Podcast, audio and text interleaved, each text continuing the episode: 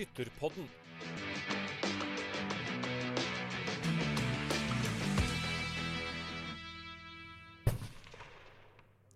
Godt nytt år, kjære podvenner. 2024 er over oss, og vi får håpe at eh, dette året blir et godt år for alle. Vi er i alle fall endelig i gang med podkaståret 2024, og det håper vi blir eh, bra. Som vanlig, Terje Vestvik er med. Godt nytt år, Terje. Takk og like måte. Har du hatt litt jule- og nyttårsfri? Ja, jeg faktisk hadde det. Du har Noen fine faktisk hatt dager. Fantastisk fint i jul. Du Ja. verden, ikke verst. Ola Fugh Herje, også her. Sidekick i dag også. Ja da. Din jule- og nyttårsfeiring, Veldig var det ok? Ja, det var veldig fint. Veldig fint, Det var faktisk. det. Ja, ja. Men det var, men det var noen som ville trodde vi hadde åpent første juledag. For jeg fikk telefon første juledag klokka halv seks og lurte på om skytterkontoret er åpent. Ja. Det er imponerende, så, vi er, så jeg svarte noe da også. Så det, Og da svarte du ja, det har vi. Nei, jeg sa vi åpna 2. januar. Og da han skulle ringe tilbake da. da. Og det var, jeg trodde det var noen som kødda meg, men det var ikke det. Det var en det som var faktisk ringte. Ja, jeg lurte på det. Folk er engasjert i hvert fall. Ja, det er da da. godt å vite det. Ja, ja.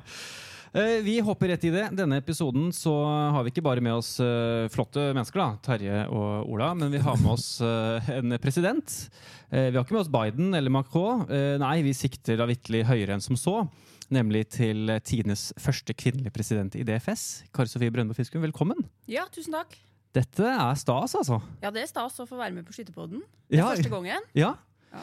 Og det har vært øh, Du er en meget engasjert person, det kommer vi litt tilbake til også. Men det har, vi har prøvd en stund å få til dette, og endelig så satt den helt på nyår. Og tenk å starte 2024 med presidenten, det er, øh, det er flott. Ja, det ble eh, veldig bra.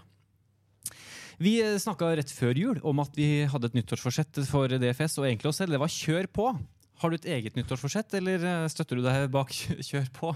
Ja, jeg gjør det. Det er viktig å være Ja. engasjert, tenker jeg. Det hadde jeg glemt. Hadde du glemt den, Ja, ja. var, var Ikke bra. flau i det hele tatt. Jeg er ikke flau, men det var, nei, det var bra. Da. Kjør på. Og skyte bedre enn i fjor. Jeg tenker Det er òg viktig. De, ja. Ja. ja. Enig.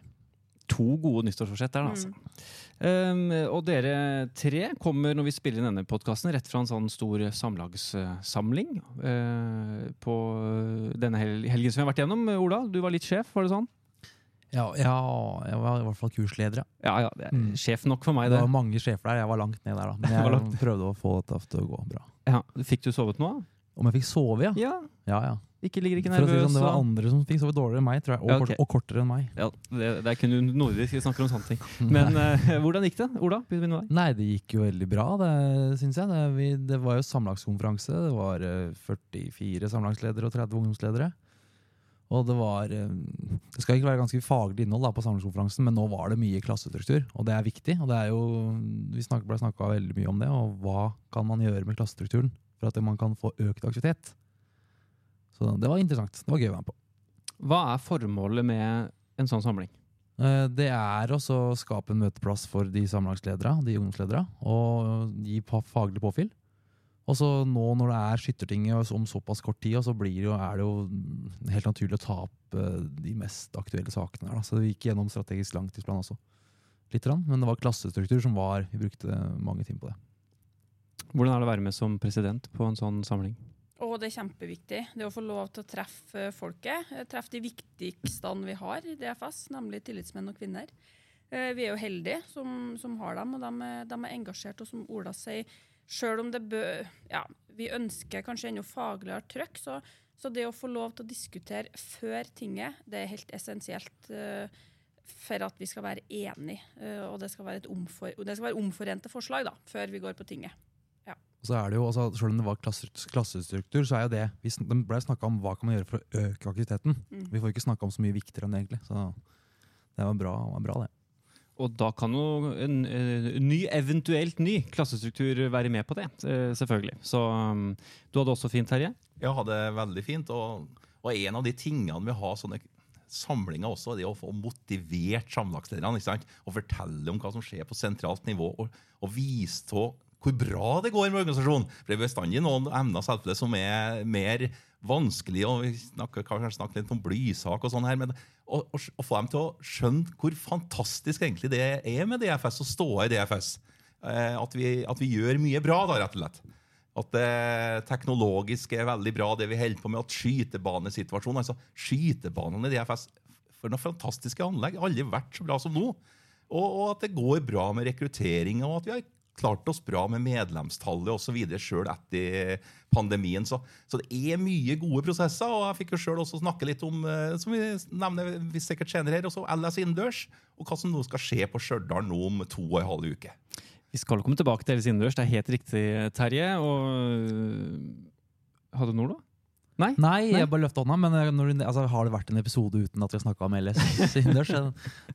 Men vi må jo ha med en fast spalte. En, en, en fast spalte. Og så er det jo det du begynte, en Ola trodde nok at du skulle snakke om hva som skjedde på kveldstid. Uten tvil det at det møtes sosialt og ha Ja. kveldene sammen og prate i eh, ulike kulturer. Nord-Norge prater med Sørlandet, og trønderne prater med østlendinger. Altså at, de blir en enhet, at disse samlagslederne òg. Det er en stor er jo- verdi med en sånn konferanse. Ja, der, der går det an å sitte og snakke liksom, om skyting i mange timer på kvelden, og, du, og du kan, uansett hvor du snur deg, så er de alle like interesserte. Så det er litt, det er litt eh, det er morsomt, da. Det er det. Og så er det jo, vil jeg tro også, det var jo flere som nevnte skytterbåten har snakka om, så jeg tipper at det, det er jo Samlagsledere og ungdomsledere er jo de, de er ekstra Det er en høy andel der som hører på Skytterbåten. Det tror jeg. Så da håper vi at de har kost seg i helgen og kan kose seg med denne episoden òg. Ja, vi får håpe det. Ja, vi håper det. Men vi skal ikke snakke dessverre mer om sammenlagsledere nå. Vi kommer tilbake til en del av sakene vi har vært innom. Men vi har jo en president med, og da må vi jo bli litt bedre kjent med det. Jeg tror mange kjenner eh, Kari, eller Kari Sofie. Hva nå en Man kan kalle deg begge deler, har jeg skjønt? Ja, Ja. det kan man. Eh, ganske godt, da. Eh, du er eh, gift, Mm. og du har tre barn, er det sånn? Ja. Hvor gamle har de blitt, da? Du, de har eh, blitt eh, 10, 12 og 15. Sånn at de har vokst til. De har vokst. De har vokst til. Ja. Eh, så du har nok å henge fingra i der. Eh, du er fra Harran, er det sånn å forstå? Du, eh, ja, det er en sannhet med modifikasjoner. Ja, jeg er fra? Høylandet. Ja, Jeg ble jo er skytterprinsesse i min tid fra, ja, fra Høylandet. Men så flytta jeg bare over fjellet, som vi bruker å si, eh, og er bosatt i Harran. Som er da en del av Grong kommune. Ja. For jeg skulle faktisk spørre om det, i og med at du har flytta da, altså klubbskiftet da, fra Høyland til Harran. Er det sånn Lillestrøm-Vålerenga-overgang? Altså Er det fiender, liksom? Det er 20 minutter i bil er det ikke det, mellom de to skytebanene? Ja, 19 det er det. minutter. 19 minutter, faktisk, ja. ja. Mm. uh. Nei, det er Vi er ganske så enige. Okay, ja, det ja, er det er heldigvis mye holdninger, da, som vi sier, i Harran. Så jeg er med, ja, har medfeller der òg. Du har medfølger der. Så det er ikke sånn at uh, men, men du er fortsatt Høylandets skytterprinsesse? Mm, det Det er også Moa. Ja, ikke Ja, sant? ja. Nettopp. Mm. Det er sterke skytterprinsesser fra Høyland Høylandet, altså, Terje. Ja, det, vi har flere der, men eh, da er det, jo, det er jo kjent for det. det er Skytterprinsessene, og så er jo kjent for denne revyfestivalen. da. Så det er de to tingene Ja, Høylandet den, vil jeg si er, er kjent med. Stemmer det. Den har jeg hørt om. Ja. Og Kari Sofie i seg selv da, som person, Ja, absolutt. Eh, vi kan hoppe rett til det. Skytterprinsesse er du, fra 2005. Ja. Da var du ikke så gammel. Nei, jeg var jo 19 år, eller jeg har faktisk ikke borti 19 år heller. Jeg var bare 18, så litt usikker på om jeg fortsatt er tidenes yngste. Eh, kanskje Kine slo meg der, men eh, det er jo egentlig ikke så nøye. Jeg var ung. Eh, jeg kan si det. Samme årsklasse, i hvert fall. Ja, ja. Ikke fødselsdatoen må vi ta repetere i tilfelle. Ja, Nå har jeg sjekka Wikipedia, du står ikke på kjente personer fra Høylandet.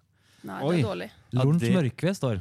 Ja, Lorentz Mørskvei og er kjent. og Ivar Åstamark. Og, mm, to stykker som heter det. Men nå dette er Pål Tyldum, ja. Mm. Oh, ja. Pål Tyldum Ja, fra Høyland, det, selvfølgelig. det er riktig, da. Ja, ja, ja. Han er, han må, må ta med han. Ja, helt ja. Ja. Ja. ja ja, det var Litt Er det mulig å google, Ola? Ja, du sa jeg var sidekicks. Nå skal jeg Ja, det er bra, det. Da kan du sjekke hvem som er yngst, da. Av uh, Pål Tyldum og og Kine. Kine. Ah, hæ? Så når du ble skytterprinsesse. Å ja, Som det- du går på dato. ja, da, det, fødselsdato. Lykke til! det. Nei, vi tar det etter hvert. Ja. Um, men ta oss tilbake da, til 2005. Eh, hvordan var du forberedt? Hvordan kom du inn til LS eh, på Lesja den gangen? Ja. uh, jeg har jo kikka gjennom NRK-klippet. Jeg måtte jo gjøre det før jeg skulle hit i dag. Um, jeg hadde jo gått tre år på Norges toppidrettsgymnas på Lillehammer. eh, blant annet i lag med Kristina. eh, I lag med Kine Gjerstad Eida, i lag med Mona Isene, i lag med Bjarne Muri. En hel gjeng med fantastisk flotte mennesker eh, og skyttere som alle i sin måte egentlig kan si at de ja, gjorde at jeg òg fikk lov til å bli skytterprinsesse. Eh, vi trena, det var egentlig det vi gjorde. Um, gikk litt på skolen, selvfølgelig. Men, men det å ha, ha brukt tre år av, av livet da, eh, til å få lov til å holde på med det du er mest glad i, eh, la nok grunnlaget for færre. Ja, og så kom jeg på kongelaget. men Jeg, trodde på et vis ikke det sjøl. Har ikke hatt noen sånn kjempegode resultat eh, i seniorklassen, men greide jo greide å skjøte 2,45 da. eh, etter en etter et helt OK eh, klasse og en, et OK grunnlag, så ble resultatet bra. Um, og det om å komme i kongelaget og, og få lov til å ligge der med Kristina, uh, gjorde nok òg at det ble mer ufarlig eh, enn um, en det kunne ha blitt, Uh, i tillegg til masse fine folk. ikke sant? Det, det å komme på kongelaget, det er jo litt sikkert mer Når du sitter, så fleipes det mer der enn eh, før du går inn på den ordinære skjøtinga. Ja, Det er mer spenning i nerver i lufta der. Ja. Um, ja, så, Og så må jeg jo legge til at Kristina har jo slått med da, i tre år. Mm. Uh, hun var jo og den beste. Mm. Uh, jeg har vel slått henne på ett stevne. Vi var på Fredrikstad Open. Jeg, ja, så Gjennom tre år da, så hadde jeg slått med en gang. Så det jeg sa når jeg gikk inn og, og når uh, vi ble intervjua i forkant, så var jeg ja, tror du du har noen sjanse? Nei, jeg hadde følt ikke det. Jeg tenkte at dette tok Kristina. Men så er jo hun, var jo hun mer NSF-skytter enn DFS-skytter. og Jeg har nok skutt mer omganger enn hun, da. Og greid å heldigvis holder huet kaldt og har forberedt meg godt. Jeg må si det, jeg har gjort det. Hun Ja. var litt nervøs. Du, du ser Kristina, hun Ja. var litt nervøs. Hun var litt Tror hun ble finta ut av det. Hun var så litt uh, prega ut, ja. Ja, og det skal jeg ikke si, men, men hvis noen annen enn meg har stått der, så, så kanskje det har vært litt annerledes for henne. For, for det å, å gå inn i konkurransen med noen du på et vis har slått gjennom tre år, uh, sånn resultatmessig, så ja, føler man kanskje at man har et litt overtak òg. Ja, Som er ekstra artig. ja, for du hadde jo det psykiske overtaket egentlig, fordi du hadde jo ingenting å tape. Nei, Hun hadde jo alt å tape. Ja. Og det Mm. kan hende at hun ble litt satt ut av det, men det var litt deilig for deg òg. Ja. Du er på kongelaget, det var egentlig ikke forventa.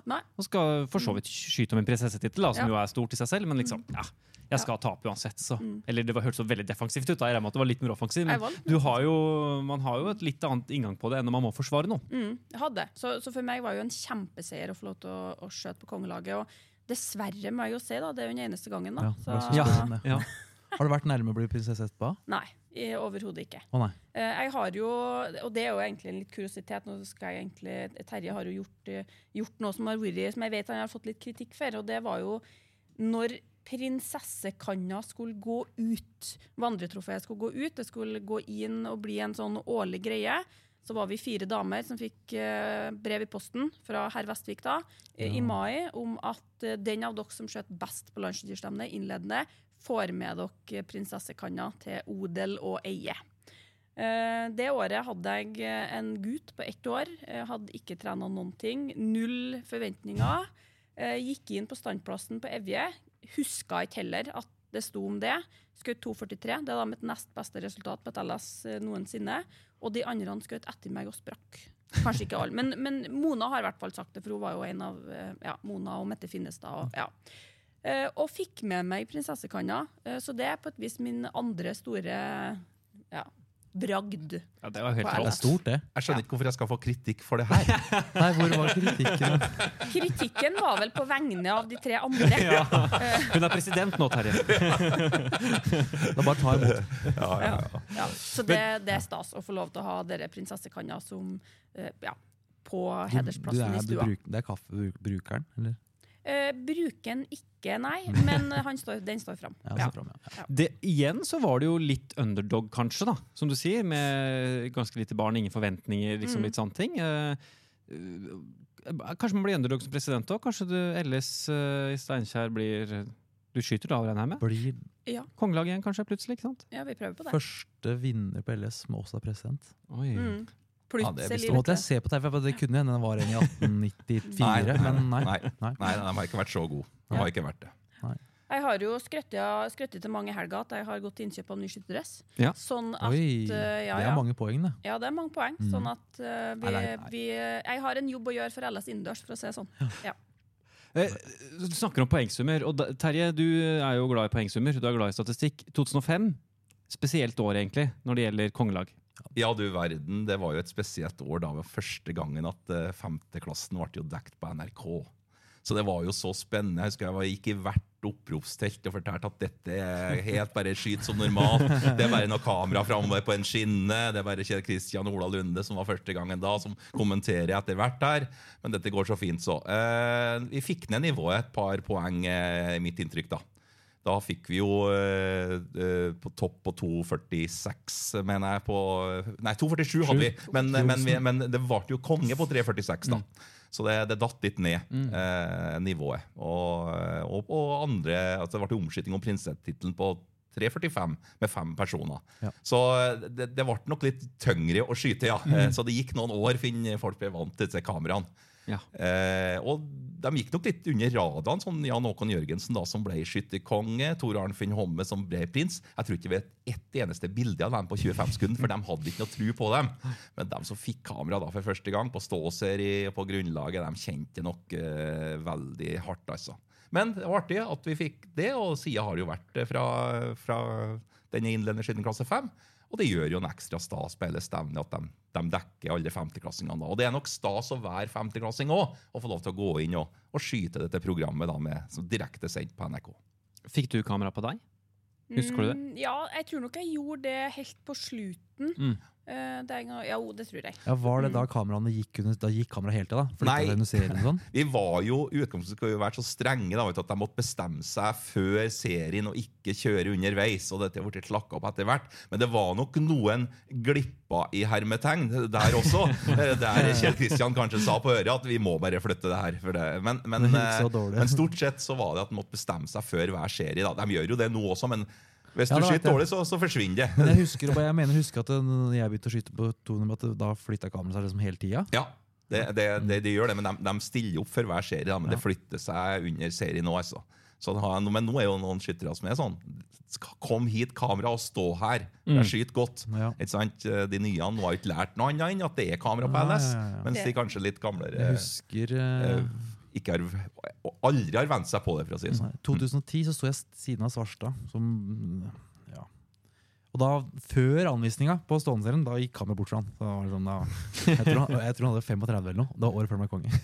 Ja, Det er er de, et dårlig tegn, da. Det er et veldig Ja, dårlig tegn når drar. anvisninga kommer. Men det var jo, ja, nei, nå, nå skal jeg begynne å si ting fra de sendingene vi har sett. Nei, skal vi ikke snakke å, for han har jo sett så mye sendinger. Ja, ja, ja, vi ja. Jeg har om det. men jeg har ikke sett innledende 2005. Ja. Jeg har ikke sett. Du kan jo starte en egen podkast hvor du går innom hver eneste Ja, sending. Hvem du skal høre på det? Ja? Nei, det er deg sjæl, da. Ja. Ja. Blir fint, det. ja, det blir fint. På den sendingen fra 2005 så sier du i intervjuet med Kjell Kristian Rike at du glemmer skuddene så fort de er skutt. Du gjorde det i hvert fall da. Mm. Er du sånn fortsatt? Ehm, nei, nei, jeg er vel egentlig ikke det. Uh, men det har skjedd noen ting da, eh, siden 2005 og frem til i dag. De sier i hvert fall det er de som er rundt meg, Uh, både underveis i skjøting og etter skjøting. For jeg har nok et konkurranseinstinkt, eller hadde nok det, som ja, du helt sikkert måtte ha for å, for å prestere, men som nok ikke var så hyggelig for dem rundt meg når det ikke gikk så bra, eller ut ifra mine forventninger da. Eh, nå eh, derimot er jeg litt triveligere å, å ha med å gjøre når ikke resultatene er all verden. Men eh, ja, det følger med, tenker jeg. Ja. Så mm, nå har jeg blitt en sånn såkalt breddeskytter som syns det er stas. ikke sant? I helga hadde jeg 2,42, og det ja, føltes skjøt greit, og resultatet var 2,42, og da er jeg godt fornøyd med det. Det er bra, det, da. Det er, Ja, det er jo det. ja. Ja, det, jeg, det, det er jo kjempebra. Det er litt hakk over breddeskytter. Eller, ja. Ja. er to for to er bra. Ja. Men jeg, jeg må jo legge til det at i veldig mange år, siden 2005, så har jeg drevet med sånn frivillig opprykk. Og jeg er veldig glad for at det finnes i DFS, for jeg er Ja. veldig opptatt av å være i klasse 5. For det syns jeg er litt stas. Ja. Sjøl om jeg egentlig ikke har resultatene til det. Mm. Det var en del snakk om i helga også, dere klassestrukturen, også poengsummen for klasse 5. For det er mange som snakker om at den kanskje er litt lav. At det er, du, det er litt for mange i klasse 5, da, for det beste han er så veldig gode blitt. Men det at det er stas å få lov til å ha på jakka på LS og holde det femteklassekravet, det er nok, eh, det er nok viktig det, altså, at vi har med oss det, rett og slett. Mm. Eh, Jeg var, jeg må, kan jeg få det? Jeg var sjøl femteklassing i 2004. da Så i- Siden da så har jeg ikke vært femte, så jeg har aldri fått lov til å oppleve det å drive selvtillit med noe frivillig opprykk på, på mitt nivå. Og var stolt. Jeg må fortelle historien Jeg var så stolt når jeg var klasse fem og skulle melde meg på først innendørsstevne. Jeg var på Løten og, og, og skulle melde meg på om vinteren. Og der satt Einar Myke for dere som kjenner han, i påminningsluka. Og jeg liksom går fram og håper gjerne at noen hører at jeg sier Terje Vestvik, klasse fem. Og så sier Einar Myki har du rykka opp frivillig, eller? Men jeg var femteklassing da. så det, Å, ja. deilig. Ja. Det er deilig. Men aldri i nærheten siden, så Nei. fint det. Ja, ja. Men hvor mye får du skutt i dag, da? Du, jeg prøver å være med på de stevnene som er da, i lokalmiljøet, Mm. eh, sånn som i Namdalen. I tillegg til at jeg er med på Ja, jeg er egentlig med på det som, det som går an å være med på. Ja. Ja.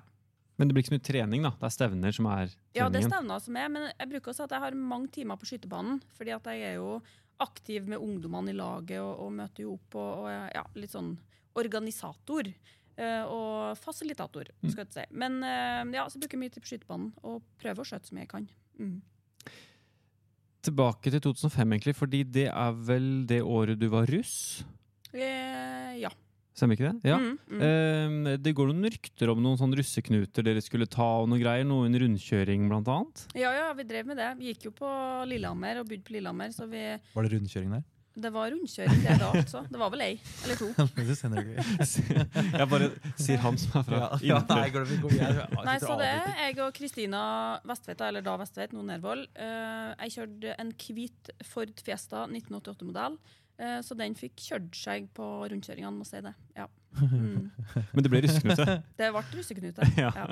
Mm. Vi tok ikke russetida så hardt. Vi, vi konkurrerte nok mer enn vi var russ. Ja, ja. Må oppsummere med det. Men vi hadde ei fin russetid. Ja. Mm.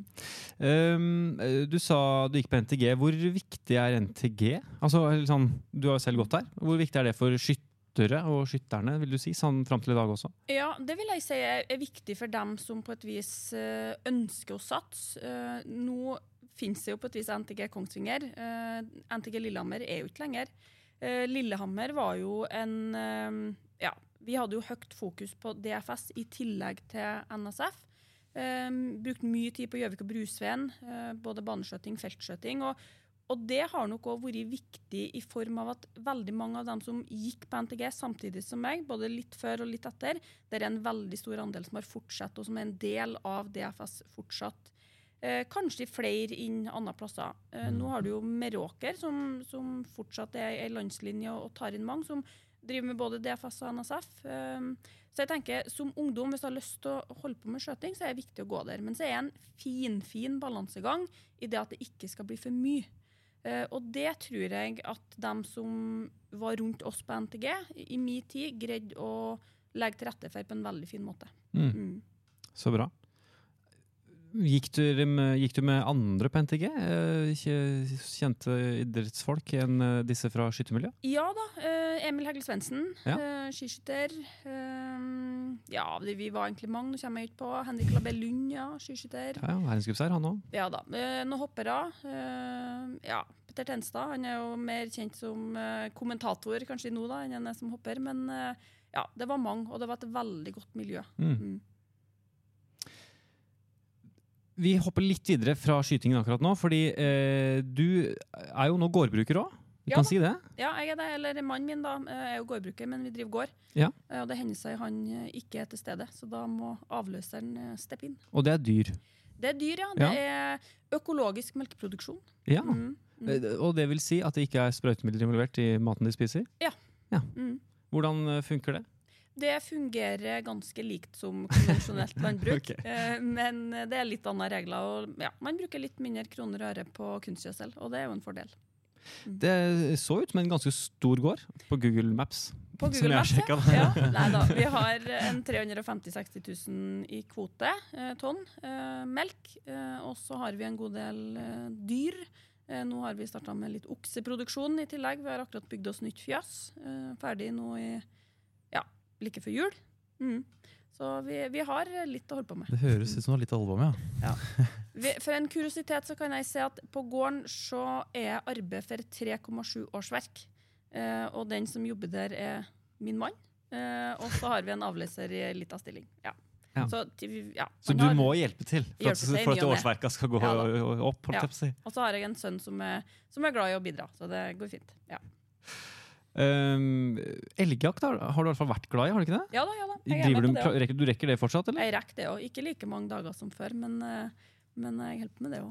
I høst òg? I høst òg. Ble det sånn rekreasjon. Eh, lite.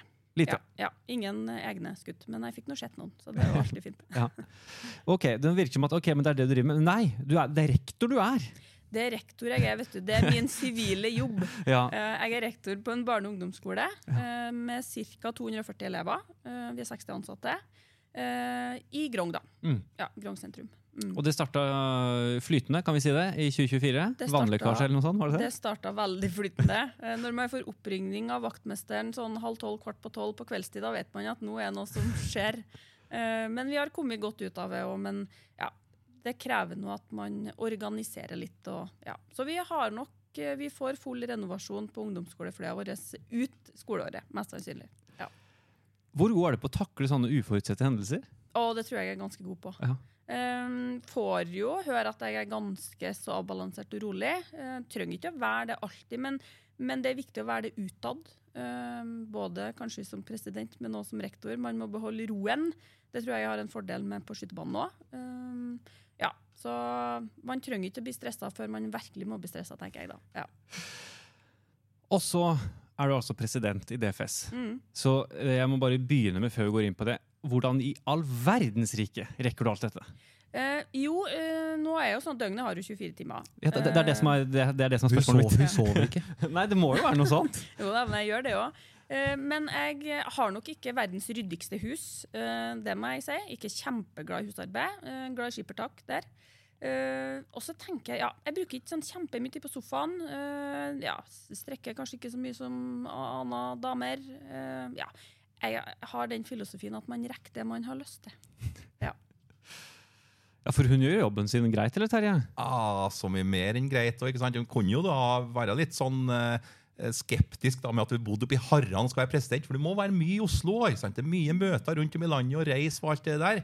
Men jeg må si at Kari Sofia, dette med 24 timer i døgnet, jeg tror ikke det er for alle. altså. Jeg tror det er noen som har lurer til seg noen flere. For uh, ekstremt tilstedeværende, det skal du ha, og er med på alt. Og det er bare å ringe, og så ja, men jeg tar da en tur, ikke sant. Og det er ikke bare å ta seg en kjapp tur fra Haran og til Oslo, men hun får det til, og er veldig fleksibel på møtetidspunktene også. Så det, det er jeg imponert over. for at uh, de, Jeg har et sammenligningsgrunnlag med presidenter som jeg ikke for å snakke noe gærent om dem som kanskje har hatt litt bedre tida, men de var mer knapp og vanskeligere å få til å stille opp på det meste. da. For å si at Kari Sofie stiller opp alltid. Snakka litt dårlig om de gamle presidentene, så var ikke meninga de stiller opp, men de var, de, var, de var kanskje litt mer sær på tida nå. Da har det som er spist opp, da, for å si det sånn. Men for å snakke av egen erfaring, jo mer tid man har, jo dårligere tid har man. Eller hvor, jo mindre har man lyst til å gjøre. på en måte. Så det er jo noe med spør, Hvis du vil få noe gjort, spør en som har dårlig tid. Eller har masse å gjøre, mener jeg. Absolutt. Ja. Tror det er noe der. Ja. Um, vi skal inn på dette med president, men uh, det, det var, skjedde, skjedde altså i 2022. Du ble rektor i 2020, eller noe kan det stemme? 2020? Ja, jeg ble assisterende rektor i 2018, så på min skole så har jeg på et vis hatt eh, litt det overordna ansvaret siden da. Og så tok du rektorutdannelse i tillegg, da. Mm, Ja. Gjorde det òg. Fram til det. Ja da. ja, men Og så var jeg leder av DFSU før, da. Nettopp. Ja, det har vært det noen år. ja.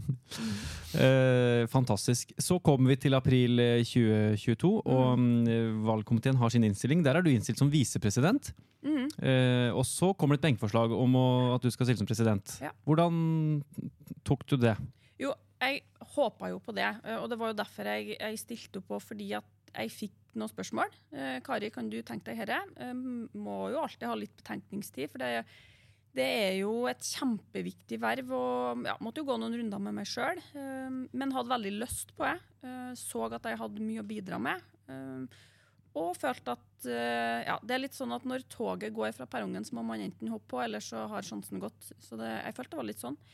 Og så sa jo Terje da, at eh, de fleste presidentene vet du, de blir jo, Det er jo ikke valgkomiteens forslag som eh, blir innstillinga. Uh, så jeg, måtte jo, må, jeg tok med meg det da, litt fra sida. Uh, om du sa etterpå eller om du sa før, det skal jeg egentlig ikke si. da, Men, men i hvert fall så mm, Ja. Det er ikke alltid valgkomiteens innstilling som går inn, men uh, mm, det er dem som sitter på tinget, som bestemmer.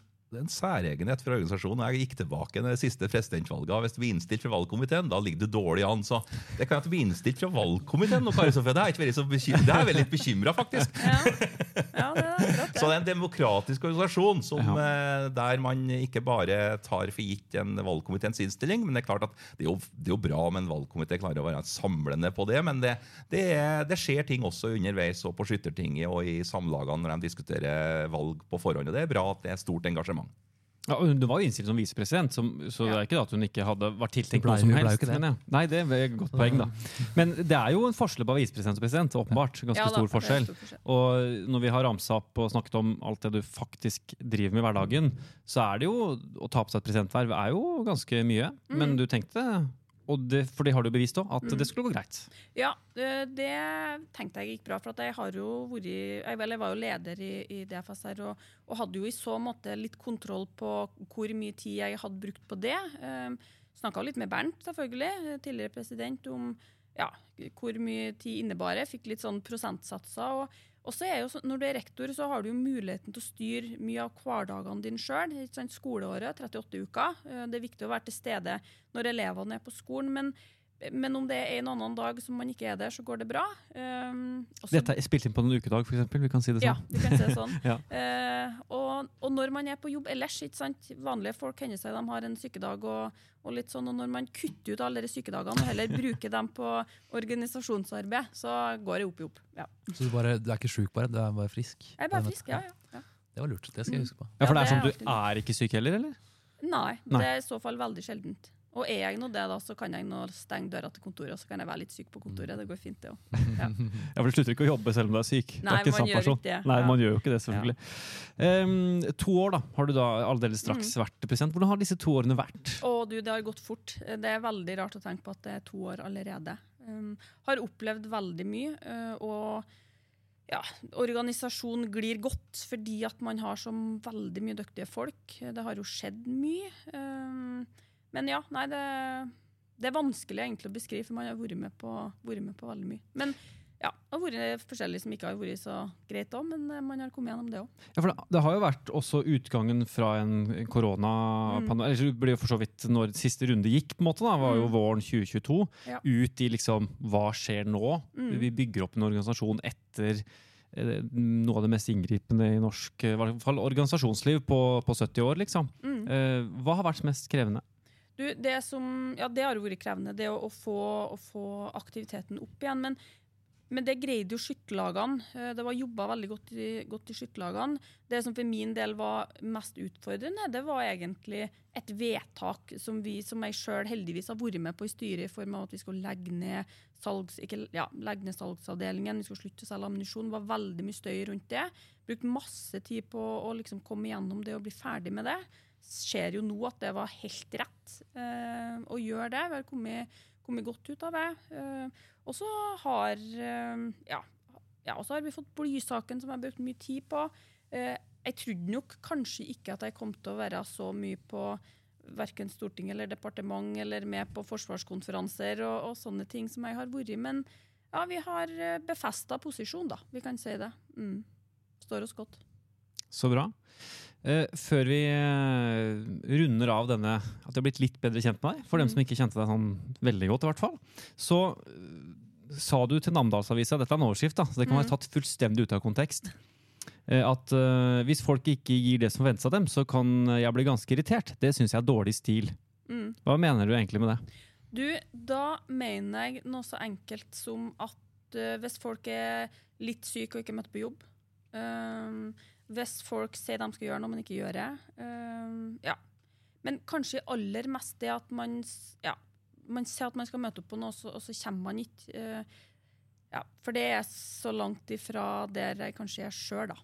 Ja, akkurat i forhold til det. Og det er krevende å drive frivillighet hvis folk ikke møter opp når de skal, Ja, både frivillighet og, og generelt jobb. i arbeidslivet I arbeidslivet. Ja. Men det betyr at du forventer ganske mye av folk rundt deg, da. Ja, jeg Ja. gjør det. Mm. Og forventer at folk forventer av meg òg. Ja. Mm. Opplever du det, Terje? Du som kanskje er tettest på, i hvert fall oss fire rundt bordet her. At hun forventer mye av folk rundt seg. Ja, men det, en president skal forvente. Det skal være trøkk i sakene, ellers så skjer det ingenting. Så, eh, men hun er også stor menneskelighet, ja. Så det virker som at jeg knallhard her nå. Her er det bare å stille og høre sånn. Men, eh, men jeg tror ikke hun kjenner på at hun har et stort problem med at det er stort sykefravær på skytterkontoret, i hvert fall. For vi har et veldig lavt sykefravær, og det er noe som at vi er brent for saken. Jeg tror det at når du går på jobb hver dag til noe du er så glad i, og du vet alle disse frivillige som setter sånn pris på det vi gjør, og får oppleve her, så blir man mindre syk òg. Og da tror jeg man går på jobb om man er litt syk, som Kari Sofie sier. Vi kan gjøre det. Og, det, så det er, og et godt arbeidsmiljø, da, at vi har det her. Mm. Ja. Dere er litt bønder, vet du, Terje. Mm. Det er litt sånn bønder. Bønder går på jobb dem også når de er syke, så det er flott. Ja, for det er det jeg føler oppsummerer egentlig deg, Kari Sofie, at du, du, altså, du er bonde, på en måte. Ja. Altså Bønder er på jobb uansett. Jeg også er fra gård. Altså, Mm. Man ser den inn den der, ja. Det ligger litt i ryggmargen, rett og slett. Altså. Har du den genseren som står 'jeg er bonde' på? Den der, Nei, jeg har aldri fått den. Det er veldig den? Camilla husker jeg hadde den. Hun er ikke bonde, men hun hadde den. husker jeg. Altså, hun er ikke bonde, men hun hadde den. Ja. Ja, altså, hun er fra gård, hun, da. Så, Ja, ja, da- er- hun er ikke bonde, hun. Altså. Det er ikke. Nei. Nei. Så bra. Vi eh, nærmer oss en av de store høydepunktene i år, og i hvert fall eh, på denne siden av sommeren. Eh, Terje Ellis innendørs. Vi har jo, som Ola sier, snakket om det nesten hver Vi burde hatt en jingle, faktisk, med Ja, Ellis innendørs. det. Men um, nå nærmer det seg veldig fort, Terje. Er alt klart? Ja, mye tror jeg nå er klart. Det er veldig bra trøkk, og stjørdalingene står på hver dag for å få til dette til å bli et fantastisk arrangement. Og nå har jo eh, det vi spiller inn i dag, så går påminnelsesfristen går ut. Og det at vi får 2500 nesten på Stjørdal, det skal bli veldig veldig spennende. Og vi gleder oss som bare det til det som skal foregå der. og det at kongen kommer, da må vi bare gjenta igjen, ikke sant? at det blir jo stor stas opp på toppen av dette arrangementet. Så nei da, det er bra kontroll, men det er mye å holde kontroll på. Så jeg skal ikke være så cocky og si at ikke ting kan gå galt. For det er mange, mange, mange baller i lufta samtidig, men det er jo også herlig å kjenne på det trøkket. Det er sånn som vi har LS ute, så eh, landslagsstevne om sommeren, så er dette LS inni også får en sånn samme feelingen. Nå er det landslagsstevne, og det er en god følelse. Dette skal Mange gode krefter. Møter mye folk som en møter da på landslagsstevne om sommeren. Møter dem her også igjen, og gjør en jobb sammen med en eh, dyktig arrangør. Kongen er jo et eh, nøkkelpunkt. Vi har snakket mye om at kongen kommer. Det er veldig, veldig, veldig gøy. Der ville du få en ganske viktig rolle, da, Kari Sofie. Du, skal, du har jo møtt ham. Du har vært på audiens Ja. eh, og skal jo nå få lov til å være med ham hele dagen. Hvordan Mhm. blir det? Du, Det kommer til å bli veldig flott. Jeg har jo vært så heldig. Jeg har vært på to audienser. Og eh, vi kan jo spøke med det at eh, det er den gode innsatsen da, til Jarle og meg da, når vi var på audiens sist, da, som gjorde at han takka ja til å komme på LS innendørs. Ja, vi har snakka godt uh, for organisasjonen. Eh, men jeg tror, nok, eh, jeg tror nok at han gleder seg på å komme på, på LS. Eh, han er veldig interessert i oss. Det gir han uttrykk for når vi har vært på audiens. Han kjenner godt til oss, vet mye om oss. Uh, ja. Og stjørdalingene de, de laga et godt stevne i fjor, sånn at det, var ikke noe, det sto ikke noe på søknaden. Men uh, har du kvesset noen statistikk hos han? Han er jo helt rå på det. Nei, jeg har ikke gjort det. Men jeg tenker at jeg må ha litt hjelp av Terje her, og kanskje komme med noen ja, når vi møter han. Mm. Jeg vil trekke fram en historie. Jeg vet ikke om det var kongen, men jeg var speaker i Holmenkollen under langrenn for noen, år siden, par år siden. Og da var det slik at Colonia kunne bli den første historien til å vinne femmila i Kollen i både klassisk og fri. Og det sa jeg et par ganger. Og så får en kollega en melding fra noen på kongetribunen. Så det ble prata om der at og Jeg tipper det var kongen selv, men det vet jeg ikke. At, eh, men Gunde Svan gjorde dette vitterlig både i 90 og 86 eller noe sånt. Og så bare OK, har jeg dumma meg ut fullstendig? Så viser jeg at nei da, det 90-rennet gikk på Vang. Det ble flytta fra Kollen, så jeg følte jeg hadde litt rett likevel. da. Men det sier litt, altså. Han husker, altså hvilke kunnskap kongen og de rundt ham sitter med. Jeg tipper det faktisk var kongen jeg, som visste det. Så det er bare til å forberede seg. Mm, Ja. det var det. Særdeles oppegående. Vi har jo fått, har fått lov til å møte kongen sjøl, og, og det er imponerende hva han forme seg. Han leser eh, mye også, ja, sjøl òg, og vet mye om at Han er jo veldig sportsinteressert, må han jo si. Absolutt. Absolutt. Så det, det Så- blir flott. Så det er bare til å glede seg. Men eh, 2500 skyttere. Det var jo Man følte det nesten på limit i fjor. Hvordan skal det gå i år? Jo, det er jo vi utvider jo stevnet litt i tid, men vi er jo, det er jo helt på limit nå da, med det kapasiteten med 50 skiver. Og det skytes jo fra morgen til godt utpå kvelden. Vi kunne ha skutt enda lenger selvfølgelig når det er innendørs, og det er jo bare å ha på lyset. Men det er noe med verdigheten til et arrangement, og det er mange som arrangerer, som skal få lov til å gå hjem og få noen timer søvn imellom klagene. da. Så eh, det går bra. Det er lagskytinga, blant annet. Mange lag påmeldt skal foregå på søndags formiddag. En sånn greie som må organiseres veldig godt for å bli ferdig med. Så Sånn som det ligger an nå, så må man faktisk ha opprop klokka sju om morgenen. altså. Og den søndagsmorgenen får vi ferdig med denne lagskytinga før vi begynner da med Olaf Iverskyting, denne hurtigskytinga og disse finalene i hver klasse. Og jeg kan jo si nå da at uh, kongen da, det en skal overvære, det er altså finalen for klasse rekrutt og eldre rekrutt. Og den store siste finalen da med eldre junior klasse 3-5 sammen. Det får han med seg, og det skal bli en herlig greie å se at de skyter disse tominuttsgrunnlagene, to og to skyttere. Da blir vi, når vi høydepunktet på stevnet mot klokka fem på søndag. Skal du skyte, Ola? Jeg skal skyte, og jeg skal skyte lagskyting òg, så det blir bra. Opprop 7. Du fikk den? Nei, eh, jeg skyter i etappe tre. Så, ah, ja. Kan sove men vi lenge. må da. jo stille, vet du. Det er jo 24. beste lag i Norge i 2023, så må jo ha litt å forsvare der. Satse på finalen nå. Ja, Det er de eldste og de yngste da, som må opp tidlig, for det er jo liggskytteretappen som er først. Og da er det rekrutt eller rekrutt, ellers er det veteran 65 eller 73 da, som skyter første etappe. Så det er bare til å glede seg. Du verden. Det er vel oppsummeringen, er det ikke det? Det er å glede seg. Så får en håpe da at været skikker seg så noenlunde den helga, at det ikke blir altfor kaldt og at det ikke blir altfor dårlig vær. Så får en tro at det blir veldig fint for disse. Det er jo mange som skal være rundt og skyte randstevner også. Vi skal jo åpne, de skal jo åpne et anlegg oppe i Granåsen, som også blir en stor happening samme helga, med et eh, stevne der. Så håper jo mange har meldt seg på. Det ser vi jo på påmeldingslistene. Mange har jo meldt seg på til å delta på det første stevnet i Granåsen. Det blir stort. Er du sånn, Får du skutt den helgen? Du, eh, jeg har meldt, ja, jeg skal jo selvfølgelig Ja, ja. skjøtte. Jeg også skal jo skjøtte lagskjøtting. Ja. Jeg har jo sjøl meldt meg på siste etappen. Eh, har gjort det. Eh, og skal òg prøve å få med noen randstevner, bl.a. oppe i Granåsen. Eh, sånn at det gleder vi oss på. Mm. Er det, jeg så da at Bernt Brovold, da, som president, han har skive én på LS Inners. Men har han skive én på, Gra, på, i Granås nå, eller? Det Siden det er første? ikke- Nei, det tror jeg ikke. Men Jeg jeg, skive én første lag, bare så på han hadde den. Jeg meldte meg på i andre laget, for klokka ti på onsdag begynner det første laget på, oppe i Granåsen. Ja. Mm.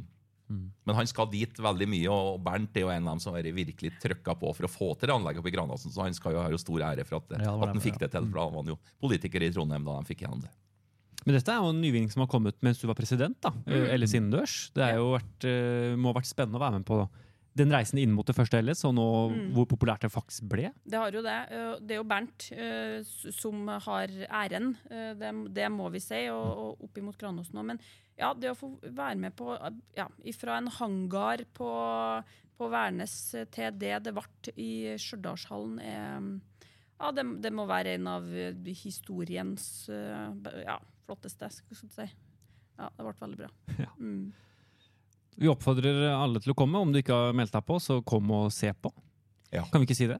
Ja, vi håper det, at folk gjør det. Ja. Eh, vi har, det, det må vi si, da. Vi har, jo, vi har jo et veldig godt samarbeid med Sauer. Jeg må si, si noen ting om det. Eh, vi var jo en liten tur nedover før jul. Og det skal jo være en stor lansering da, under LS innendørs, så vi trenger ikke å si så mye mer enn det. Men eh, er du jaktinteressert og glad i DFS, så må man komme på LS innendørs bare for den grunnen, faktisk. Oi. også.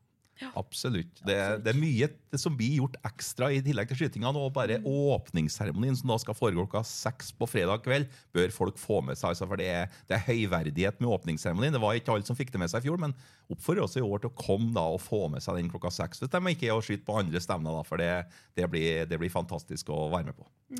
Gleder oss til Ellis innendørs. eh, Men før vi eh, takker for oss her i dag, så når vi først har presidenten på plass, så må vi snakke om litt de store sakene som rører seg i DFS. Det er jo ikke kanskje det som er alltid gøyest å snakke om, men det er veldig viktig for hvem DFS er, hvem DFS skal være i framtiden. Og det er klart vi har allerede vært inne på det. Klassestruktur er jo kanskje den store saken nå på vinteren, våren, da, fram mot uh, Skyttertinget. Høringsfristen gikk jo ut 1.1. Uh, først har du fått mange innspill. Har dere oversikt over det? Eh, hva det var du sa, Ola? Eh, 100 og x antall Ja, nå sovner sovna jeg her nå. Hva, hvor mange innspill vi fikk på Ja, vi, fikk, vi, fikk, vi fikk jo av alle alle samlag. samlag! Ja, ja, ja, alle samlaga. Ja. og vi fikk av nordlandskretser, og det var noen pri- altså, ja, Så det var kjempebra, og det viser jo bare det engasjementet som uh, har vært. Ikke sant? Og eh, det er med mange som har eh, hatt noe de skal ha sagt om det forslaget som TSU kom med. Og det, så det, det har vært bra, altså. Og det er jo du, Kari Sofie, som formelt sett skal legge dette fram for uh, Skyttertinget. Mm. Du, nå skal jo høringsinnspillene gås gjennom, det skal gjøres vurderinger. Det har snakket om det nå i helgen på denne samlagskonferansen, så du kan jo ikke røpe detaljer. Men hvordan jobber dere rent konkret fram mot Skyttertinget nå? Ja, Vi har jo hatt opp eh, klassestruktur eh, på våre styremøter skal du si, hele, hele tida, selv om det er TSU da, som, som har jobba fram med. Men vi har jo noe ja, vi, vi har jo noen tanker om det, vi òg, men har vært veldig tydelige på at uh, man skal ikke endre for å endre. Uh, den strukturen vi har i dag, står sterkt, den òg. står godt.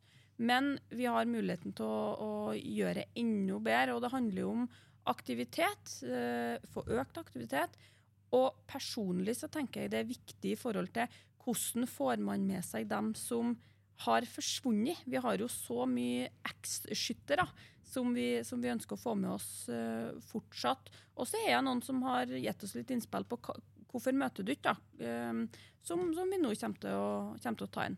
Men så må vi jo huske på det at vi greier ikke å lage en klasse for hver og en. Så vi må enes om et forslag som er til det beste for bredden. Mm. Du snakket i stad omforent eh, skal det være inn. Det skal være omforent ut også, for så vidt, Mm. på i andre enden. Hvor eng... Vel, det kan jeg ikke si. Hvor vanskelig blir det? Eh, Det tror jeg nok eh, ja, eh, at det er. Men det at vi har hatt den samlinga helga, det at vi har fått snakka i lag om det, det at det er jo samlagslederne som til sjuende og sist sitter med hver sin stemme. Som skal, som skal bestemme. Og det at de har fått lov til å diskutere og fått ut tankene sine allerede nå, tror jeg er viktig. Og så får man nå en måned eller to på seg til å diskutere litt mer, og så skal vi nå komme med et forslag da, som, som skal være eh, gjenkjennbart. Det blir kanskje litt eh, å repetere, men eh, nå snakker vi masse om det. Men eh, hvor viktig er det egentlig da, med denne klassestrukturen? Tja, eh, den er nok ikke Den er nok ikke kjempe, kjempeviktig. Jeg, jeg vil ikke si det, men, men den er viktig i sånn måte for, å, for at man skal føle at man har noe her å gjøre. Sporten er jo, er jo et middel for å nå målet.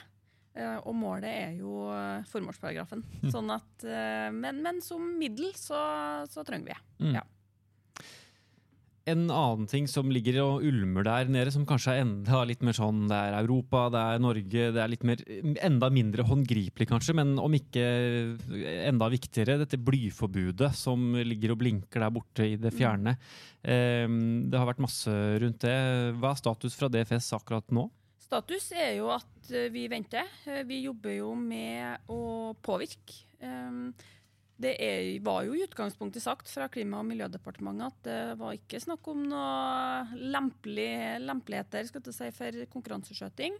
Um, når EKA, eller de lenger sør i Europa, har sagt det at enten så får man lov, eller så får man ikke lov, så er jo en jobb for oss å å få opp til politikerne våre. Så sier jo, sier jo Europa at det ikke eh, blir tillatt med bly.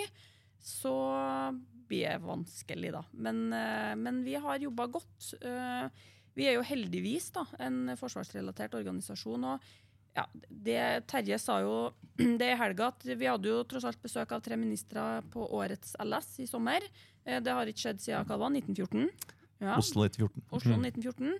Og de kommer jo av en grunn. Mm. Eh, De vil jo se hva vi holder med. Eh, Vi er viktige. ikke sant? Justis, kultur, eh, forsvar som, som møter opp. Og vi er ja, vi må rett og slett påvirke, fordi at vi er for viktige til at de kan si at vi ikke får lov til å skjøte med bly.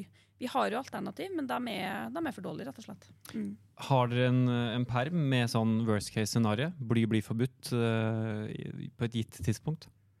Eh, vi har ikke laga en perm ennå, nei. Nei. Men eh, det må vi nå gjøre, da. Det er plan A. Plan A er at det, vi skal klare oss. Det er det som går ennå. Men, men det, og det er viktig å påvirke politikerne, og det at politikerne også er stor interesse for oss om dagen. da, På grunn av det her, kanskje en del, men som en forsvarsorganisasjon og med den tida vi lever i, så når jeg sa det med 1914 i helga, så er det litt sånn Ja, hva skjedde i 1914, forresten? Jo, da brøt første verdenskrig ut rett etterpå. Så vi får håpe at ikke det er bare når politikerne har stor interesse, så blir det krig. For det var, det var sånn foran andre verdenskrig òg. Rett før 1940. Da var det kjempeengasjement rundt det frivillige skyttervesen. Så vi får ikke håpe at det gjentar seg. da. Det er worst, det er worst case. Det, er, scenario. ja, det kan vi si. Ja, Det kan vi absolutt si. ja, ja. Men, eh, men det, blir jo en, det blir en, en, kan jo bli en krevende sak. kan- Eller det blir det uansett, med Ja. påvirkning og, og hele Det, pakka. det blir jo, Og så har vi jo støtte i de andre landene rundt oss.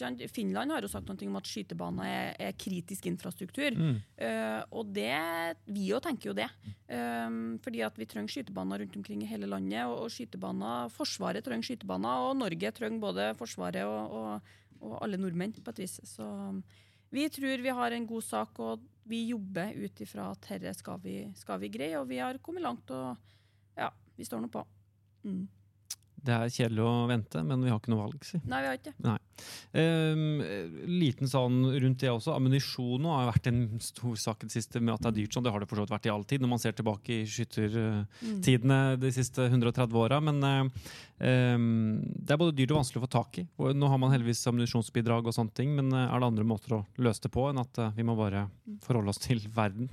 Vi må forholde oss til verden, men vi har jo, eh, vi jo ammunisjonsbidraget, som bidrar veldig godt i forhold til ungdommene. Eh, det at, eh, at politikerne våre fortsatt, eller fortsatt i 2024 år, er viktig. Jeg tenker at vi må si det at man må trene med kaliber 22 så langt det lar seg gjøre. Men vi er en grovkaliberorganisasjon og skal være det i framtida. Og da må vi skjøte grovkaliber. Og, og hvis vi ja, ikke deltar kanskje på 150 stevner i året, så går dette bra, det òg. Nei da, men det er litt sånn alt med måte. Ja. Eh, Og tilgangen er bedre enn vi har, bedre enn forventa. Det sa jeg jo noen ting om i helga. at når jeg sto på Hellerudsletta i fjor på samme tidspunkt, så så vi ganske mørkt på 2023. Eh, Og heldigvis så slo ikke det ut. Eh, Hvis vi deler på det vi har, eh, så går dette veldig greit. Mm. Så bra. Føler jeg mye sånn negativt. Men det skjer positive ting om dagen nå, eller? er det noen mest- positive kurver? Ja, det meste er jo positivt. Eh, Det med økt aktivitet eh, det, Ola la jo fram det i helga, at det er flere ungdomsmedlemmer nå enn eh, er tidligere. ja, det er, det er, det er, det er um det er veldig mye fokus på at det er negativt, ja, men når vi skulle legge fram statistikk i helga for samlagsledere, så var det egentlig ganske lett å vise at det egentlig ikke går så dårlig som man tror. Medlemstallet ja, går, har gått, gått litt ned, men det er jo helt naturlig. fordi vi har jo rydd, hatt noe med sentral medlemskontingent, så har alle laga rydda opp i medlemsregistrene sine. Så det er masse folk som har stått dobbelt. det er masse folk som, ja? Så, men, eh, men til tross for det, da, så likevel så har det vært flere, eh, er det flere medlemmer i ungdomsklassene nå enn det var i, i 2023 da, enn det var i 2022. Så ser vi jo at det på antall eh, skyttere som har skutt minst ett stevne i i 2023, det er jo nesten oppe på nivå med hva det var før korona. Eh, Så skyter vi litt færre stevner enn før, ser vi. Vi skyter litt færre stevner i snitt enn vi gjorde før. Nå var det på sånn rundt 6,5-7 stevner i snitt. Før, før korona så var vi på, på banestevner, og oppe 10 stevner i snitt. Eh, Men, eh, så, så, så det syns det lover godt. Det er 115 000 nordmenn som har betalt, betalt medlemsavgift til DFS i fjor. De som svartmalte mest Terje, når vi skulle innføre sentral medlemskontingent, de hva sa han, 70 000? ikke? Det er, det er jo det er 115 000 nordmenn. Jeg syns det er kjempebra. Jeg blir litt stolt av det, Mm. egentlig. Ja, sy- synes det er kjempebra og fikk jeg lov å holde en forelesning om hva det aktuelle ting i DFS. og jeg prøvde å vektlegge alt det fine, hvor, hvor vi er igjen i dag som organisasjon. altså Nå har jeg jobba her i 30 år, og jeg vil jo si at organisasjonen er mye mye bedre på mange områder nå enn hva den var for 30 år siden. Men omkvedet er at ting var bedre før. Ikke sant? Det er et sånn omkved Ja. at, det, var, at vi har, er over storhetstida. Men da vil jeg si som hun idrettspresidenten Al-Samarai sa når hun starta for noen som da snakka om at idretten var bedre før. og alt sånn, Dem som sier at ting var bedre før, var nok sjøl bedre før. Jeg syns det var et godt uttrykk. Ja. Men det er et poeng, det er et poeng som jeg sa. Så jeg, det er, synes egentlig det er, Sånn som 2023 blei, så er det ganske enkelt å peke på de tingene som er positive. Altså. Det, I i 2022 og det første året etter korona så var det litt sånn Ja, men nå det, det peker oppover på veldig mange fronter. Og det er viktig å ta med seg, for det, da er det litt morsommere å drive òg, når vi veit at, det, at det er liksom litt, det blomstrer litt da, rundt omkring. Ja, for den menige skytter, eller for, for hvermannsen i DFS, vi er jo flest eh, hvermannsener i DFS, så er jeg egentlig bare positive kurver. Det er god aktivitet, det er masse flotte anlegg. eh, Det er to landsskytterstevner i Trøndelag. Tenk det, for dere som ikke er trøndere. At dere får lov til å komme til Trøndelag to ganger. Det er positivt. Eh, og, så er, er vi som, som sitter i ja, litt andre posisjoner, som, som skal jobbe mer med blysak. Men, men den er vi skal komme godt ut av den òg. Ammunisjon, vi kom godt ut av det. Så egentlig så Vi snakker litt for mye om det som er negativt. Mm. Det kan vi egentlig ta med oss, og så skal vi se på det som er positivt. fordi at det er utelukkende mye, mye, mye som er veldig positivt. ja Så bare på felt, Nå åpna feltsesongen i helga. Nå var det avlyst i Trøgstad forrige helg, men nå var det jo Hølland Bjørklangen hadde. Søndre Det var jo nesten 200 deltakere på Ja. feltstedet. Jeg, 191. Ja, jeg syns det er ganske bra. Jeg, altså. jeg fikk noen snapper, og Pål Even Ørmen han beholder formen fra nordisk. Han hadde 30-27. Han knuste resten. Mm. Så han blir hard, tror jeg, utover sesongen her nå. Det, nasjonal grovfelthelg, der eh, setter jeg en knapp på han. Jeg føler ingen, ingen podkast uten å nevne på den. Nei, ja, altså, altså- hvorfor snakker vi ikke om Men, på den? men nå var det altså, nå, det var fordi han vant her, da. Nå var det Han Ikke nevne. Han ikke, Men jeg synes vi, nå, nå liksom begynte vi å runde av på en veldig sånn fin måte. Ting er positivt. Eh, Det har vært to fine år, oppsummerer du med, Mm. Kari Sofie. Har du noen sånne enda noen avsluttende ord eh, fra, i President's Corner? Ja, nei, jeg eh, tenker jeg vil si det at hvis man ikke eh, Ja, hvis man ikke har eh, allerede meldt seg på landsskytterstevnet innendørs, så har vi noen og 60 plasser ledige. Har vi ikke det, Terje? Ja, Jeg er litt mindre enn det. 40, kanskje. Ja, vi har 40 Men det- når vi har lagt ut podkasten, Kari, så er eh, påmeldinga stengt. Ja, så påmeldinga stengt. Å, det Så var dumt. Men eh, synd vi for har dere som hører på, ikke melder dere på. Ja. Men det kommer et nytt landsskytterstevne da, til Ja, Steinkjer. Som møter opp der. Nei da. Møt opp på din nærmeste skytebane. Mm. Uh, vær uh, en del av DFS. bidra så godt du kan. Eh, og rett og slett bare ha det artig også. Mm. Eh, for vi har en fantastisk fin organisasjon. Mm.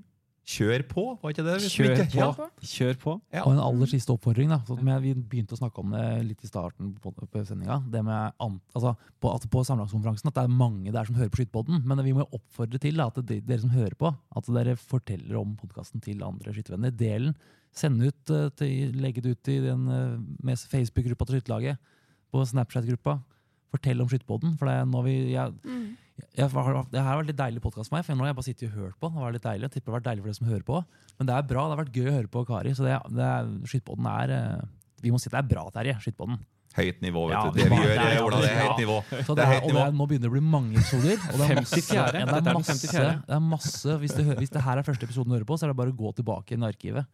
Vi har hatt intervjuer med Ole Kristian Bryn, som nå er kjempeaktuell. ikke sant? Med, og vi har hatt eh, Simon Clausen, sikkert. jeg vet jeg faktisk ikke, vi har det. Og vi har hatt Daniel Sørli, Ronny Hamvold. Andreas Stabern Schmidt har vært med. Ola Lunde har ikke vært med. Nei, men han skal vi ha med. Ja, og nå Ja. presidenten, da. Beste gjesten til nå, om vi må si det. Absolutt best episode ever. Best. Episode 54. Jeg skal huske på det, Ola. Ja, det gikk. Ja, jeg har ikke peiling hvilken episode er, men det er er det skjønt. 54. Det er 54, er vi sikre på det? Ja, bra. Fint. Takk, Ola. Var bra. jo, ja, da fikk jeg sagt litt på slutten. Ja, men Det er fint. Du har sagt mye bra, du. Eh, men Kari Sofie Brøndbo Fiskum, tusen takk for at du tok deg tid til å være med i Skytterpodden. Ja, det har vært veldig artig. Så bra. Eh, du skal hjem til Trøndelag igjen nå? skal du ikke snart? Trøndelag i kveld. Mm. Rekker du kveldstella? Nei, det gjør jeg ikke. Nei, du gjør ikke nei, det. nei, jeg gjør ikke. det. Nei. Så jeg slipper unna det i Det dag. er nok bevisst at du har vært et Ja, nettopp. Tok et Ja. seint fly i dag, ja. Så bra. Vi eh, får bare ønske lykke til da, med alt 2024 bringer på banen. Med Ellis innendørs først. Og så håper vi at 2024 blir et bedre år enn 2023. Uansett hvordan fjoråret var. Det kan vi jo håpe på. For alle. Og så husker vi å ta vare på hverandre. Og så sier vi at vi høres igjen.